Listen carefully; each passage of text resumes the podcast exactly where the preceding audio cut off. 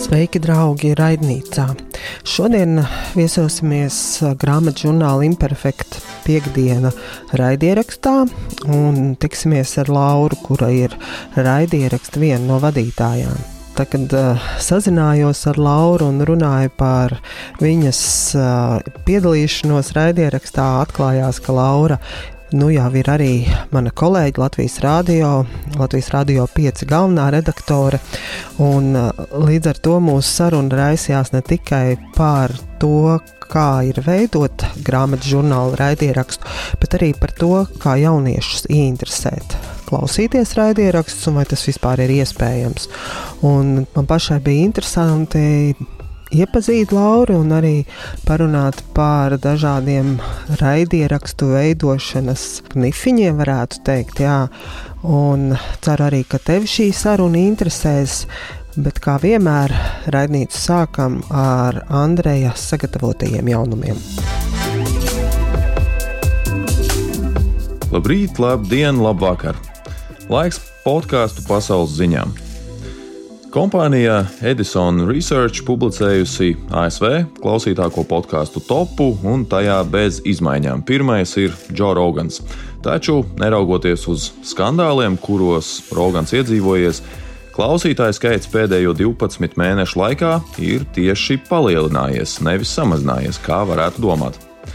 Populārākais tematiskais žanrs ir komēdija, kam seko ziņas, sabiedrība un kultūra Patiesie krimināli stāsti, bet piecnieku noslēdz sports. Pēdējā 19. vietā šajā sarakstā ir pārvaldība.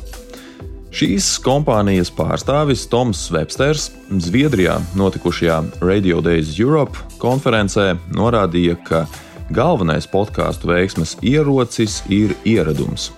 Proti, viņa ieteikums raidierakstu veidotājiem ir atrast veidu, kā regulāri katru nedēļu atgriezties pie saviem klausītājiem ar jaunu saturu.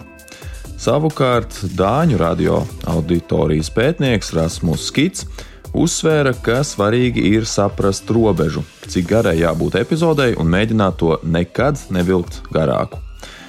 Kits norādīja arī to, ka liela nozīme ir podkāstu aprakstam, savukārt skaņas signāliem jābūt stilīgiem, bet vienlaikus vienkāršiem.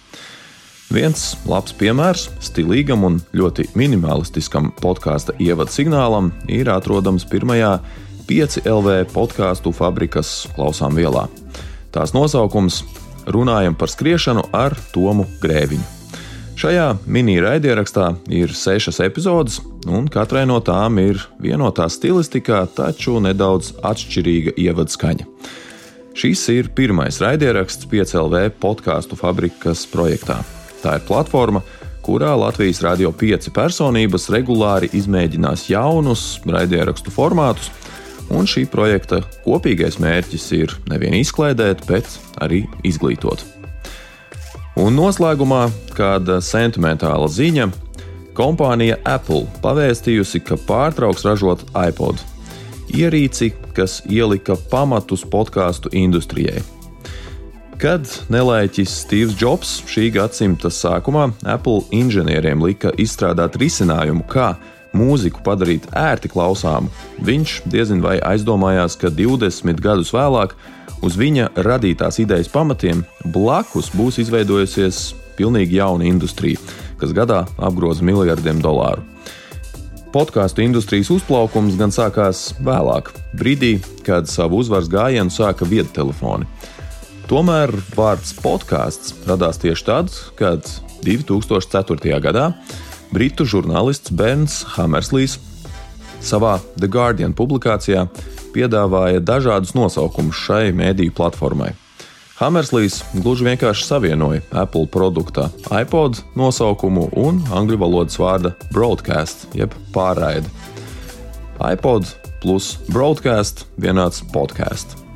Kā zināms, latviešu valodā mēs to saucam gan par podkāstu, gan aplādi, podraidi vai tagad arī raidierakstu. Šīs bija raidnīcas podkāstu pasaules ziņas, bet nu dodu vārdu Dacei un Laurai. Laura Lauzniece, kur veido ir viena no Imperfekta piekdienu podkāsta veidotājām. Un tad, kad mēs sākām sarakstīties un sarunāt interviju, tad atklājās, ka tur ne tikai veido Imperfekta piekdienu podkāstu, bet es jau kļuvusi par manu Latvijas radio kolēģi. Un šobrīd esi piecinieka galvenā redaktore, kas Jā. atbild par dažādām satura lietām un tā tālāk. Rekā mēs esam satikušās Sa uh, gaiteņos un koridoros. Uh, jā, jā, tā ir. Tagad nu pat ir nu, jau trīs nedēļas, kad es atrodos radio mājā, ikdienā, darba dienās. Un uh, arī interesanta pieredze. Mm, jā, nu, un, un līdz ar to ir tāds uh, samulsums arī man, jo iemesls mūsu tikšanai, protams, ir podkāsts, jo tu Jā. piedalies raidierakstā par raidierakstiem raidnīcas, kurā mēs aicinam dažādu podkāstu veidotājus parunāt par to, kas ir jauns podkāstos un tā tālāk, bet droši vien nu, tad neizbēgam arī parunāsim par piecinieku un to, kā tu tagad jūties un tiem tagad, šī brīža taviem plāniem. Bet, nu, tad atgriežoties jau vēsturē, kāda ir tava nokļūšana podkāstu viļņos lietotnēs.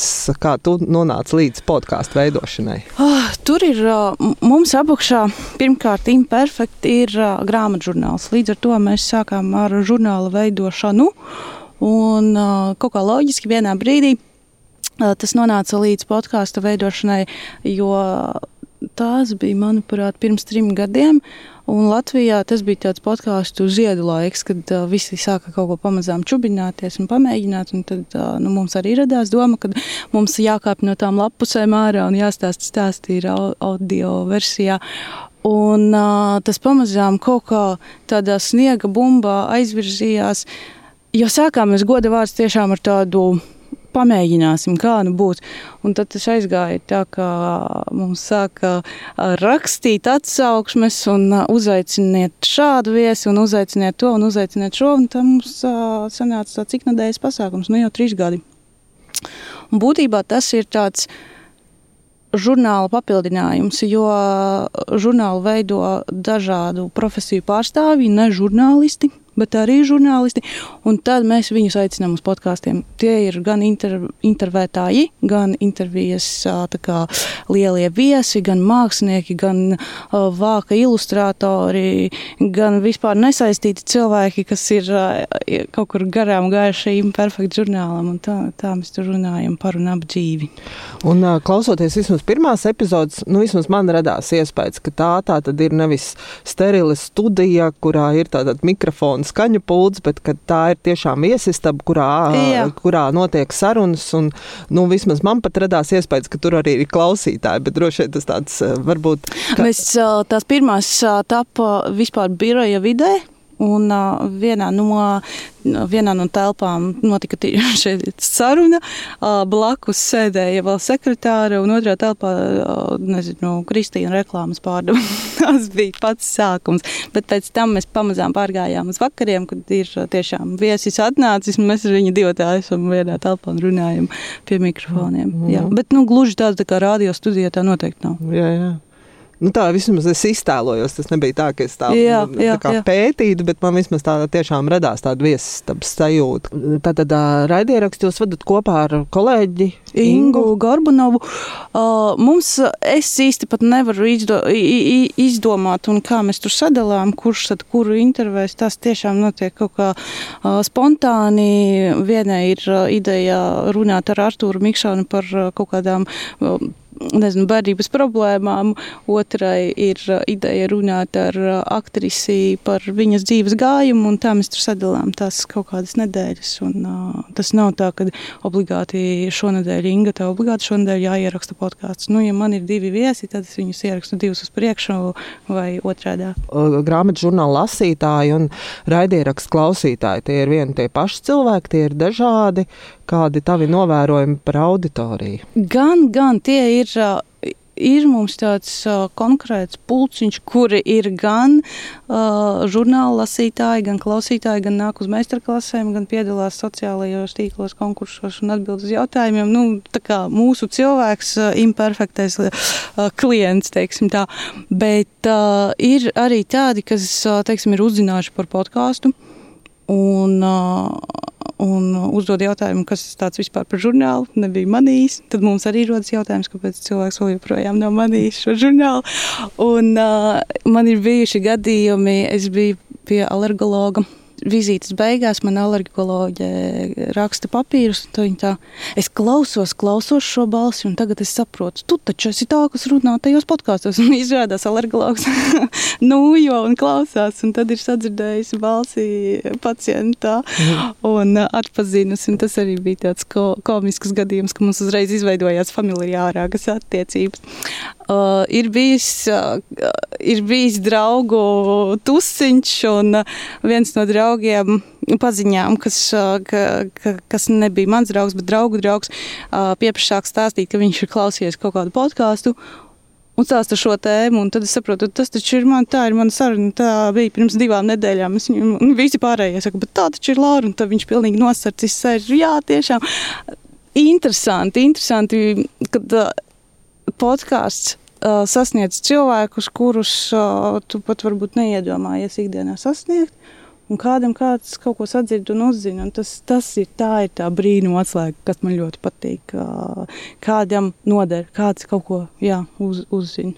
Tas viss turpinās, un, un podkāsts mums arī turpināsies. Redzēs, kā, nu, kādu mm. mēs to visu tagad savienosim saliekot kopā tavu līdzinējo pieredzi, ko tu esi dažādos ra rakstošajos mēdījos, tad es arī izlasīju, ka tu televīzijā pie dažādiem projektiem esi strādājusi. Kā tu to tieši to raidierakstu veidošanu salīdzinot ar tām visām citām tavām pieredzēm, dažādos mēdījos, dažādas lietas darot, kā tu to raksturot, nu, priekš sevis tieši personīgi, kas tev tajā visā varbūt bija tas, bija un ir tas interesantākais? Jā, man ļoti patīk tā brīvības sajūta un uh, Um, un uh, tas tēmu plūdums, teiksim, es esmu sarunājusi ar cilvēku runāt par konkrētām tēmām. Man ir sagatavoti 20 jautājumi. Um, sākam sarunu, un pieprasīja šī saruna tīri organiski aizpeld kaut kādā citā virzienā. Un man neviens nestāv blakus un neklapē ar, nezinu, ar kaut kādu avīzi pa galvu un nesaka, ka mums jārunā par šādām un tādām tēmām. Ja tu jūti, ka tas cilvēks labprāt šobrīd peld citā virzienā, nu tad brīvi arī dodies. Un tas tieši man patīk podkāstot.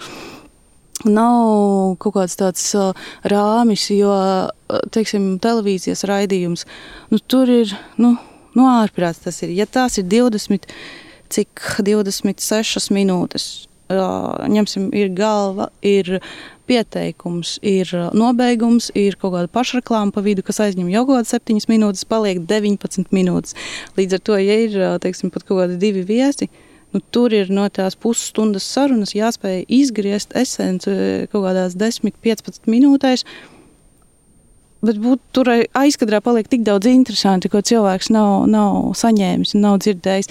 Un būtībā arī mm, cilvēkiem, iespējams, klausītājiem nav tik daudz laika. Viņi noklausās 20 minūtēs to, ko viņi gribēja par šo tēmu dzirdēt un saņem šo informāciju. Bet podkāsts ir tīri tāds brīvāks domāšanas, un, manuprāt, tāds vairāk brīvdienu, sestdienas variants, kad tu viens tiešām nūjo, otrs gatavo vakariņas, trešais vienkārši sēž kaut kur čilo un klausās fonā.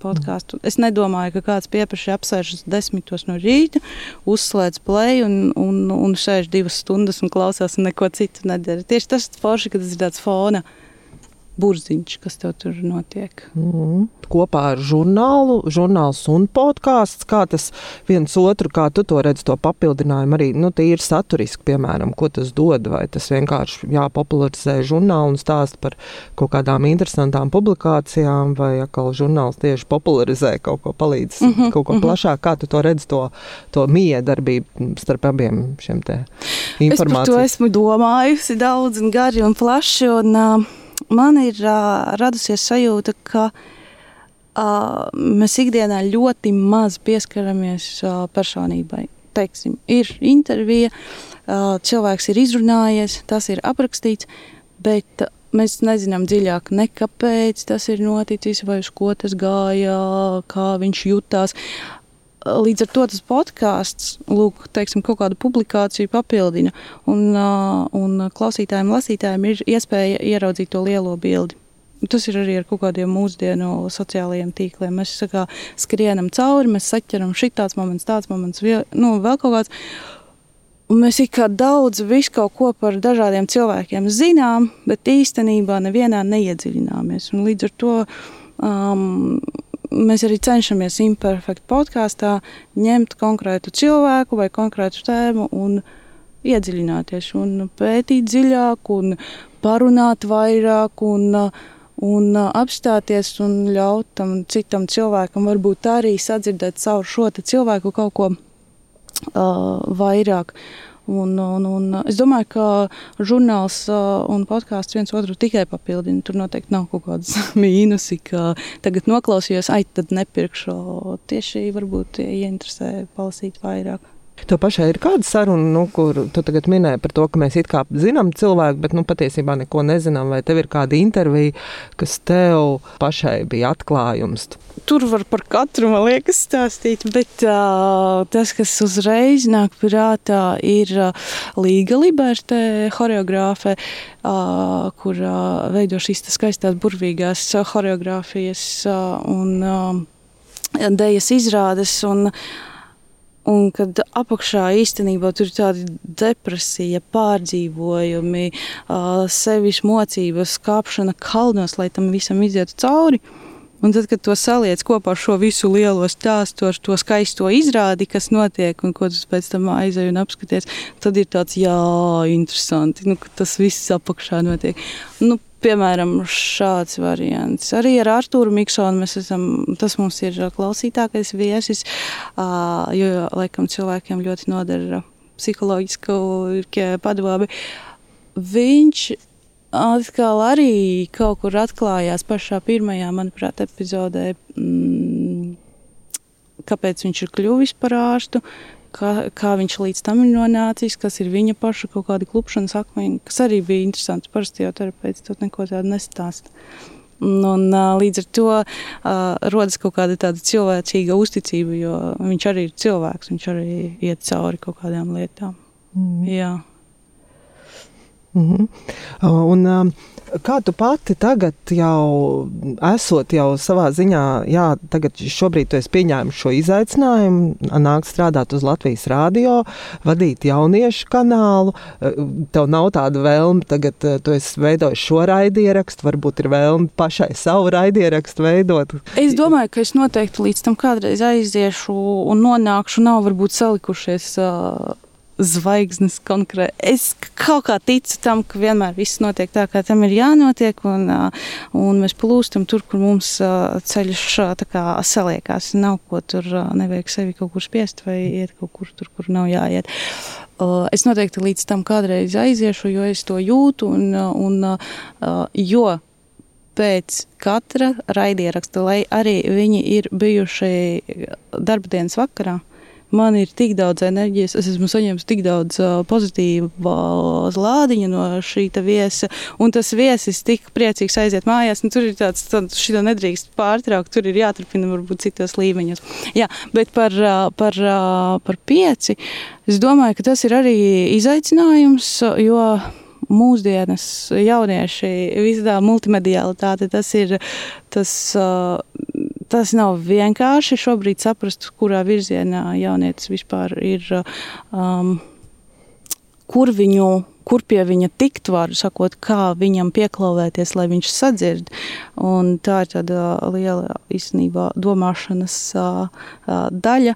Un uh, man prieks arī, ka Latvijas rādio ir ļoti, ļoti atvērts dažādiem podkāstiem un uh, dažādām um, improvizācijām par tēmu, kad radio arī vairs nav tikai uh, jau ierastais radio. Un man arī patīk, ka ir arī kaut kādas klasiskās vērtības. Vārds sakot, viss ir, mm. viss ir forši un, un uh, ir, manuprāt, ir jāplūst līdzi laikam, jāskatās, kas notiek aiz robežām, jāskatās, kas notiek uh, citās Eiropas valstīs un uh, jāmēģina pavisam kaut kādas jaunas lietas un uh, jāķer tie cilvēki uz izbrīnu. Bet kas, kas tev pamudināja nu, kā, nu, pieķerties šim izaicinājumam? Jā, Latvijas rādio un tieši jaunieši uzdrošināties, īsti, mēģināt. Oi, es nebūšu atbildes, laikam, man ir. mm, man ir kaut kāds tāds dzīves gājums ļoti daudz ar uh, jauniešu dažādiem projektiem. Es pirms tam uh, Latvijas televīzijā strādāju ar uh, 16 plus projektiem, uh, Young Media Sharky. Es taču vispār šāku savu karjeru kā žurnāls īraps galvenā redaktora. Līdz ar to es, es īsti nesaprotu, varbūt tur um, tas ir kaut kāds karmiskais parāds, kas man ar jauniešiem ir jāsadara, bet uh, man patīk laikam arī tas viss jaunais un šī visa enerģija, kas ir šajos projektos, jo, jo es arī iegūstu. Tas nav tā, ka es atnāku un es tikai dodu. Un, nu, tik domāsim saturus un uh, iesim uz priekšu. Es saņemu atpakaļ no jauniešiem arī enerģijas devu, un varbūt tas mani uzrunā. Un, un kaut kāda pašai ir dzīves priecīgāka, dzīves jaudas pilnāka dzīve, strādājot ar jauniešiem. Mm. Jo viņi tomēr ir uh, enerģiskāki nekā, nekā visi mēs. Jā. Jā. Bet kā tev liekas, ar raidierakstiem jaunieti var noķert?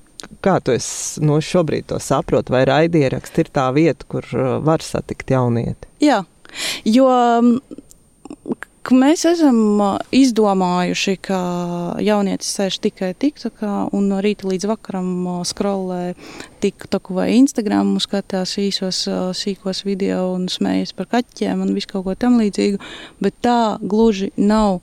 Jaunieši roka dziļāk, viņiem patīk, kad ar viņiem runā kā ar pieaugušiem cilvēkiem, viņiem patīk iedziļināties, un viņiem pat, ja viņus interesē konkrēta tēma, tad uh, simt punkti Viņš googlēs, viņš YouTube skatīsies par konkrētu problēmu un uh, meklēs kaut kādas uh, savai interesē atbilstošus video vai, vai, vai, vai audio ierakstus. Un, uh, psiholoģiskās tēmas ir tās, kas, manuprāt, šobrīd ir ļoti aktuālas. Un, tieši tas ir. Uz to mums jāskatās, jo latviešu jau mēs daudz par to nerunājam jaunieši par to daudz saņem saturu angļu valodā, bet latviešu ir, protams, ir daži kanāli, kas orientējas tieši uz jauniešiem, bet, bet jā, uz to mēs arī varētu padomāt šajos virzienos. Nu, jā, nu, manuprāt, mēs visi jau cilvēks pats ir noguris, tāds katrs pats ir noguris no, no tā sociālo tīklu buma, jo tā manā galvā tas ir tāds tā kā kā tādas viesības, kur mēs esam atnākuši. Un, ja mēs iedomājamies tādas Great Gatsby viesības, kur tev sevi ir jāparāda tajā sociālajā tīklā, un tad tu ar katru viesi runā tās mazās īsās sarunas, small talks. Un tu runā un runā, runā, runā, un tās viesības nekad nebeidzās. Un nu jau ir pienācis tas laiks, kad cilvēki ir noguruši no viesībām, un viņi negrib vairs šos sociālo tīklu posmu. Viņš grib apsēsties, iedziļināties, paklausīties sevi, izprast sevi. Un, jā, un tāpēc ir lieliski, ka ir raidieraksti, kas palīdz šo visu mm -hmm. sasniegt tas, kas par jauniešiem, ko tu minēji, kas droši vien ir tāds raidierakstu izaicinājums, ka ir uh, tik daudz iespēju jaunies, jaunietim tajā pašā angļu valodā atrast to viņa interesējušo saturu, ka varbūt pat. Um, Uh, nu, nav vajadzība meklēt latviešu. Tajā pašā laikā, tad, kad es esmu runājis ar kādiem, nu, piemēram, uh, to pašu raidierakstu, viens no mums, kas runā, kur aicina LGBT kopienu un runā ar cilvēkiem par tām tēmām, tad viņi arī atzīst, ka ļoti būtiski ka, uh, piemēram, ne tikai tev ir iespēja iegūglēt un atrast nu, kādu transpersonu, kas stāsta savu pieredzi un dzīvo, nezinu, Amerikā, bet kad ir šie Latvijas piemēri, tu redzi, jā, reku blakus ir tāds puisis vai tāda meitene, kuram, kas ir gājis mm -hmm. cauri tam pašam, un līdz ar to, ka tā ir tāda, uh, ka tikai ar to, ka tas angliski ir ir par maz, jā, tas ir forši, bet ir svarīgi to radīt.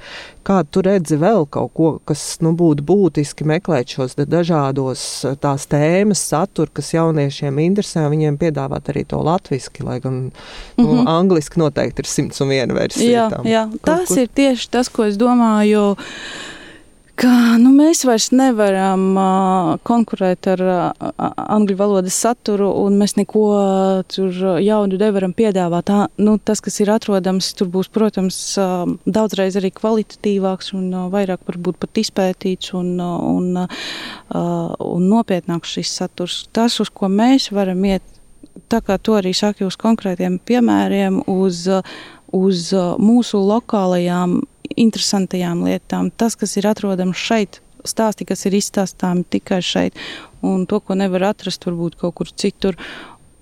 Es domāju, ka mēs varam iet šajā virzienā un nedzenoties pakaļ kaut kādām ja visur pasaulē pieprasa runā par, par depresiju, tad iztulkot tekstu un izstāstīt to latviešu, priekš kam? Jo visi jaunieši daudz labāk runā angļu valodā nekā latviešu valodā. Jau viņi saprot daudz vairāk un paši runā daudz labāk.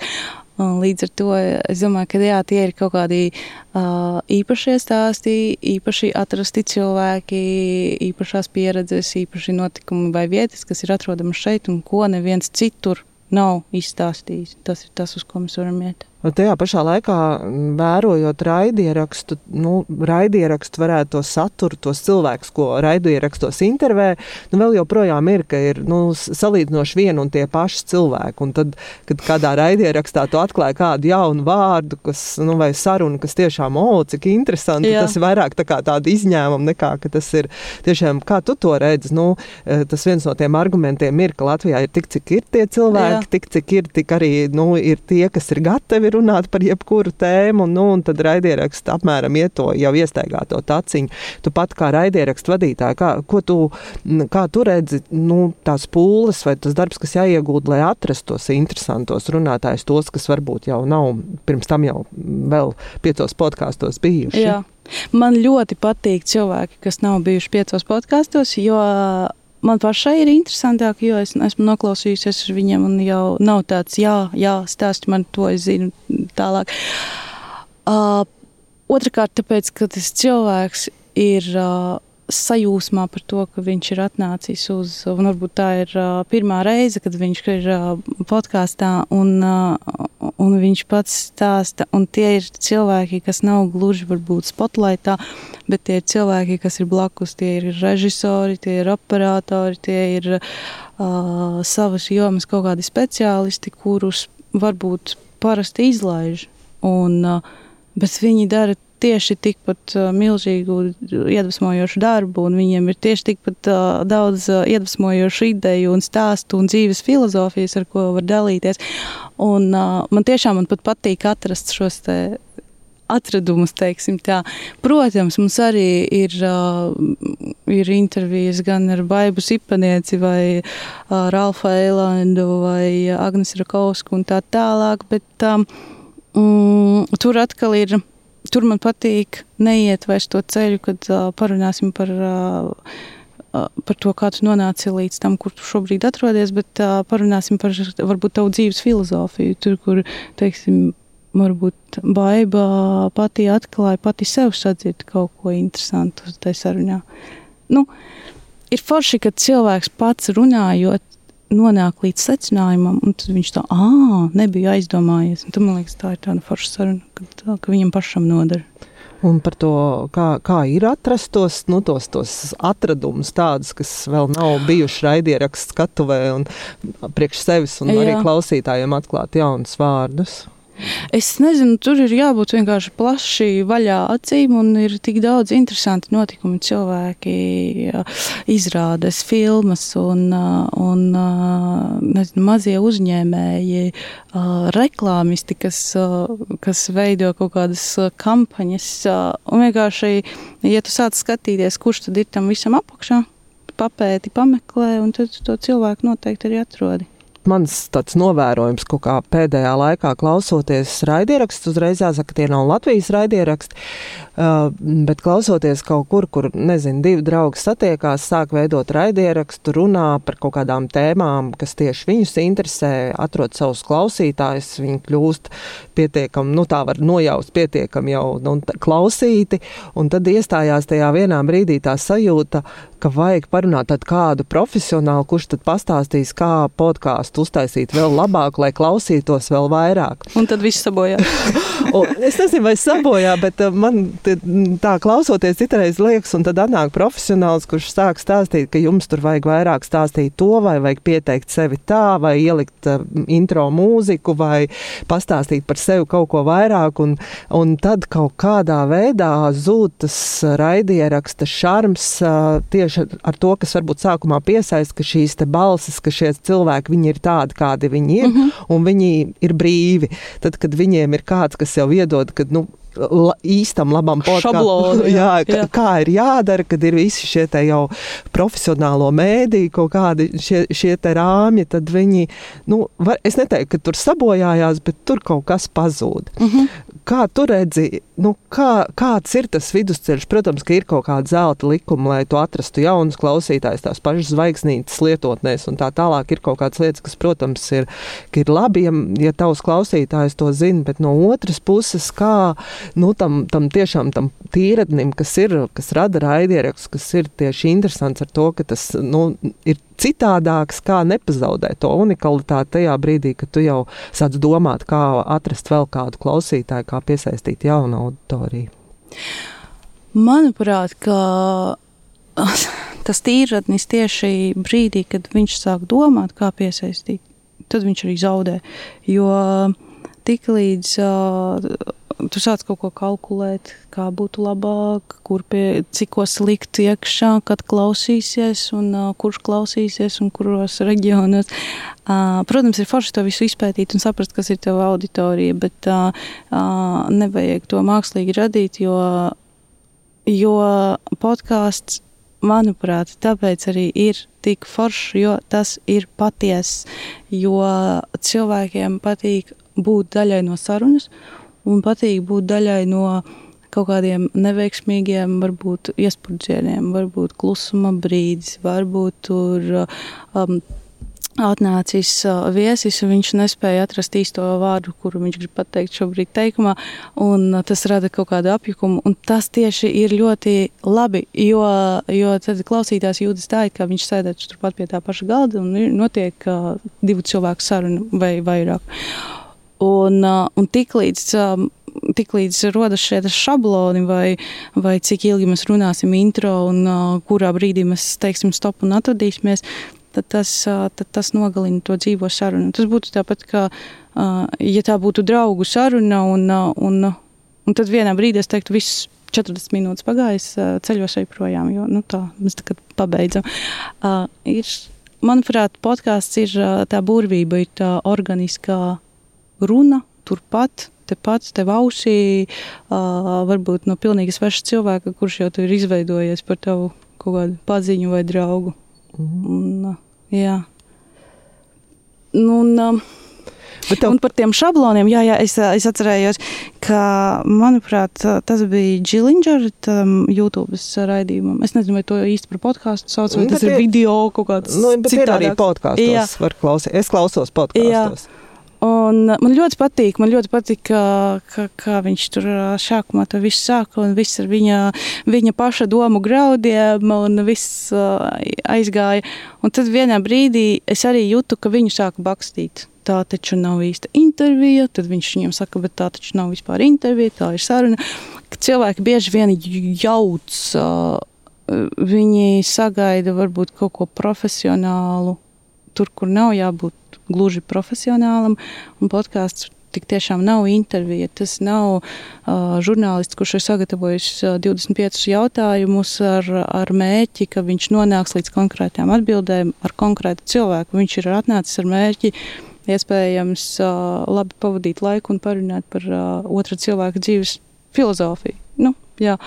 un, uh, es nezinu, vai to visi cilvēki saprot vai, vai, vai tas vārds podkāsts, um, tā dzīvā saruna un tā nepiespiestība, vai tas ir izprotams pilnīgi visiem cilvēkiem. Nu, droši vien, ka tur varētu iedalīt ir kaut kādas klausītāju gaidas. Visu mūžu klausījusies Latvijas rādio, man ir priekšstats, kā tam jāizklausās, Jā. tad es ieslēdzu nu, to pašu G-spotu, tur kaut. Tur viņi tagad kaut ko jā, pīp, nesaprot. Jā, runā. pīpē, rupi runā un vēl vispār par kaut kādām tēmām, ko tu nevari jā. saprast, kāpēc par to vispār ir jārunā podkāstā. Un, Un tas ir viena, man liekas, un tas otrs ir tie raidierakstu veidotāji, kas varbūt, kuriem, kuriem ir tā vēlme, kuri veido, viņiem interesē kāda konkrēta tēma, vai tās sarunas, vai, piemēram, ir kaut, kaut vai, kad reiz nedēļā divi draugi runā un, un stāsta par kaut kādām tēmām. Un tad ir atkal droši vien. Ir arī viņi, kuri, nu, piemēram, nu, labi, Latvijas, Latvijā būtu klausījušies no bērnības pie vecmāmiņas Latvijas rādio, un viņiem ir kaut kāds priekšstats, nu, kā tam ir jāizklausās. Jā, jā, jā. Un tad es tieši esmu to, to domājis, nu, kādā veidā nu, ir iespējams tā kā Nu, viens, ko tu minēji, ka klausītājiem pavērt plašākas iespējas, nu, ka var dažādas lietas būt, bet arī tiem tieši par raidierakstu veidotājiem, ka pamēģināt nu, viņiem atrast to savu veidu un tos klausītājus piesaistīt, nedomājot par to, ka nu, tas neskan kā, piemēram, rādio vai tas neskan kā Jā. kaut kādi, nu, tur, nezinu, tie paši, paši klausītākie podkāsti, nu, kas mums tiek kā, minēti, re, ko, nu, jādara tā, kā dara viņi, un tad mums arī klausīsies miljoni miljoni vai ne. Vai tiešām tas, ka es to darīšu tā kā citi vai tie labākie, tas nodrošinās, ka mans podkāsts kļūs populārāks. Jā. Tur ir vairāki aspekti. Tur ir, um, ir daļa podkāstī, kurus klausās viesu dēļ. Jo jā, es ieraugu, piemēram, mani uzrunā, ka šajā sarunā piedalīsies iespējams manā Latvijas mīļākā aktrise, un es tāpēc viņu klausos, jo man gribas sadzirdēt, ko nu viņa stāstīs. Bet ir arī tādi raidieraksti, kurus klausās vadītāja dēļ vai to divu vadītāju sarunas dēļ. Mm, kur pavisam tas viesis iespējams nav pati noteicošākā pozīcija. Un tad, tad tur ir jāsaprot pašam veidotājam, uz ko viņš tieši iet un ko viņš grib ar to panākt. Kāpēc, kāpēc viņš vispār to ir uzsācis? Pirmkārt, jāsaprot. Un, ja viņš ir uzsācis to ar domu, ka viņš kļūs pasaulē slavenākais runātājs, un tad viņam zvanīs no Latvijas rādio un aicinās viņu strādāt, tad varbūt viņam ir jādomā par to, kāda ir viņa runa, kā viņš veido sarunu, un varbūt viņu tad arī pamanīs, un varbūt viņu aicinās. Bet es nedomāju, ka lielākā daļa virzās uz šo pozīciju. Jā. Nu, jā, tur ir jāsaprot kaut kāda tā, tā motivācija, kāpēc vispār cilvēks ir sācis to darīt. Varbūt ir kāds, kurš, kurš jūtās vientuļš, un šādā veidā viņš izrunā lietas ar, ar klausītāju. Tur Jā. ir dažādi, dažādi varianti. Man arī nav atbildi, bet uh, tas kaut kā pēdējā laikā klausoties uh, tieši kaut kādas tādas, kas man ir licies, o, cik nu, cik forši, ka ir, ka varbūt tādā brīvā veidā kaut kas radies un tāds nepiespiests, un tāds tiešām, ka tu piedalies pats būt tajā sarunā klāt, un tad uh, šis podkāsts bružājās, tur tiešām arī tas klausītājs skaits var nojaust kļūst lielāks, un tad vienā brīdī raidierakstu veidotājs sāk domāt par to, nu, kā man to izdarīt pareizi, un, jā. un tad kaut kā tas, tas, tas, tas, jā, tas rada tādu nu, priekš manis iekšēji to pārdomu, vai mm, jā, nu, kāpēc, kāpēc tāds spiediens šis vadītājs izjūt vienalga ārēji vai varbūt iekšēji motīvu vadīts. Bet tur arī varētu būt aspekts, kad varbūt viņam sāk rakstīt klausītāji un komentēt tā, ko viņš vada, ko viņš aicina, kā viņš runā, kāpēc viņš tā runā, kas liek viņam aizdomāties, kas rada spriedzi. Varbūt tas ir tas, kāpēc viņš sāk piedomāt tas ir tas, kas uh, izbeidz šo burvību.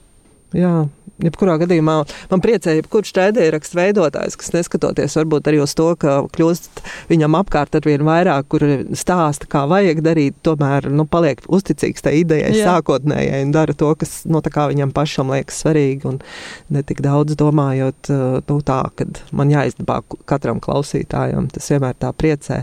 Bet klausies, tu ieminējies par, par, par to nonākšanu profesionālo mēdīju vidē.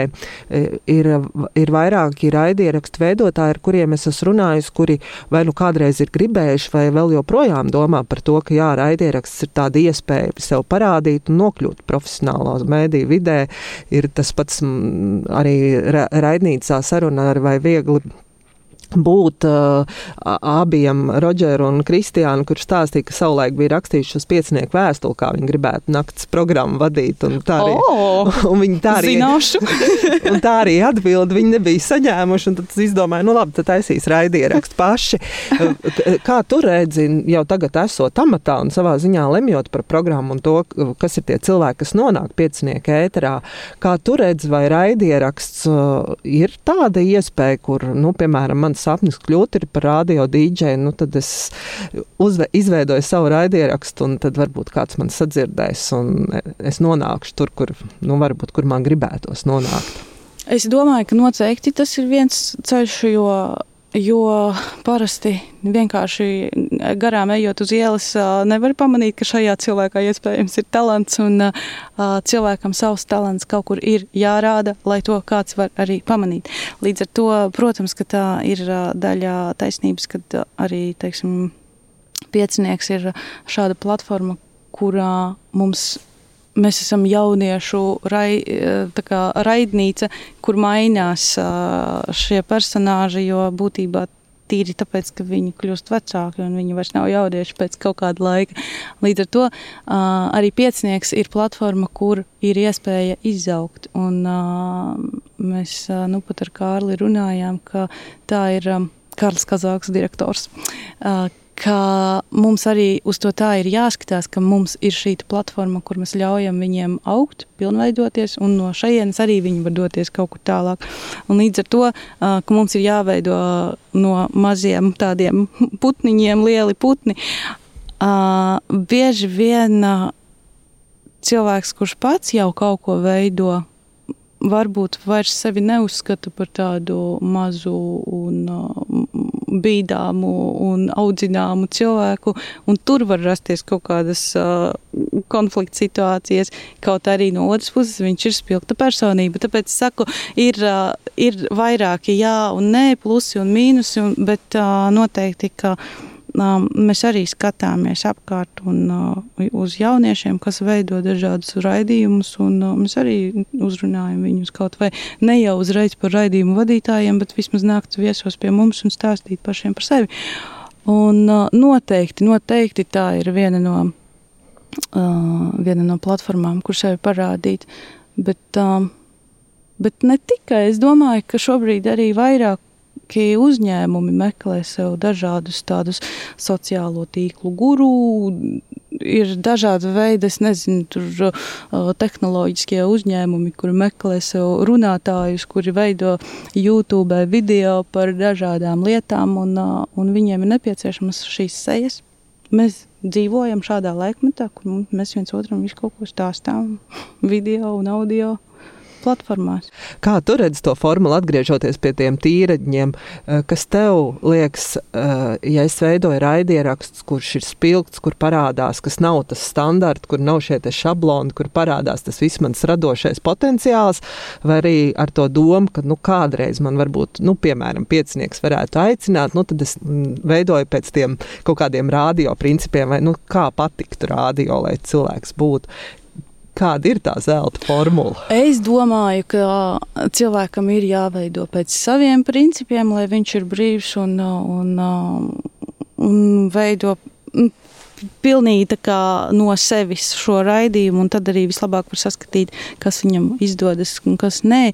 Jo, jebkurā gadījumā, tiklīdz viņš nonāks radio, tad radio būs savi noteikumi, savi, savas chronometrāžas un, un ko drīkst, ko nedrīkst teikt ēterā, un tādas šādas lietas, ko tu tīri fiziski, garīgi un emocionāli nesot radio, nu, nedarītu savā raidierakstā priekš kam būtu jāievēro kaut kādas normas, tur, kur tu viņas, nu, tur, kur viņas nav jāievēro.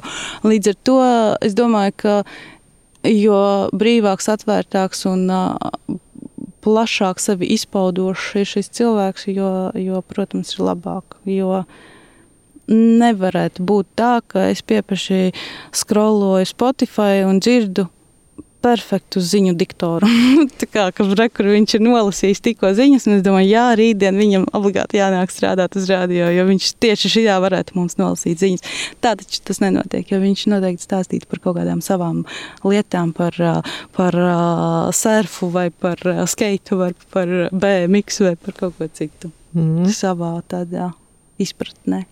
Varbūt tu vari padalīties, kas ir tavi, um, tavi nu, pēdējā laika podkāstu atklājumi, vai kas ir tas, ko tu šobrīd um, mm -hmm. gūsti iedvesmu gan savām sarunām, gan arī domājot par kādiem jauniem projektiem, idejām?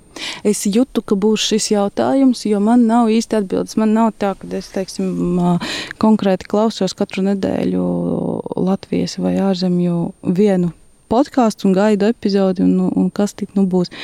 Bet man ir tāda lieta, ka man ļoti patīk personības izpēte. Teiksim, es paņemu, uh, nezinu, kas man tagad bija, kaut kāds pēdējais, Keira Naitlī, aktrise.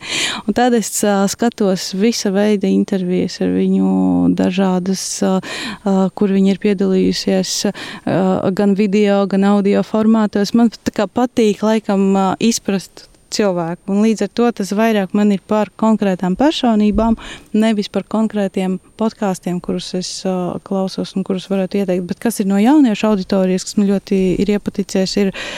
Es uh, uzgāju Instagramā, ir tāds uh, almost adulting, tā kā gandrīz pieaudzis. Tur um, tas ir, um, manuprāt, amerikāņu jā, Amerikā veidots podkāsts, veido sieviete, meitene, nezinu, cik viņai plus mīnus 20 līdz 30 gadu vecumā, un tad viņa runā par dažādām lietām, kas ir par pieaugušo lietām, bet apzinoties, ka viņa varbūt īsti līdz galam vēl ne, nejūtās vai, ne, vai nerīkojas kā pieaugusi. Un, un viņš tāds smieklīgs un patiesis. Jā, tas varētu būt tas, ko es pēdējā laikā esmu uzgājis. Nu, nu Džiliņģers patīk. no latviešiem man tiešām patīk Džiliņģers sarunas. Nezinu, viņam, viņam kaut kādas tādas G-spots, tādas arī patiesas, jā. Nu jā, tur, tur nav tāda cenšanās izlikties jā. par kaut ko citu nekā tu esi. Ne tur ir izlikšanās, ne tur ir cenzūra. Vienkārši kā viņš grib, tā viņš tur uzdod jautājumus. Mm. Tas arī laikam uzrunā. Es tev savukārt novēlu, lai tev ir, redz, mums tā saruna sākās par imperfektu piekdienu un beidzās eh, par jauniešiem un to, kā nokļūt piecinieku ēterā. Un es domāju, ka tev tas, tas darba lauks un redzes lokus ir plašs, un es novēlu arī, lai tev tas pietiek gan radošs spēks eh, to visu realizēt, gan arī, iespējams, eh, kādu, kādu dienu būs arī tev pašai savs podkāsts, ko tu varēsi teikt, jā, tas ir Lauras podkāsts, un šeit esmu es, un tas ir tas, kas manī interesē. Jā, paldies par sarunu. Bija ļoti interesanti. Jā, paldies tev!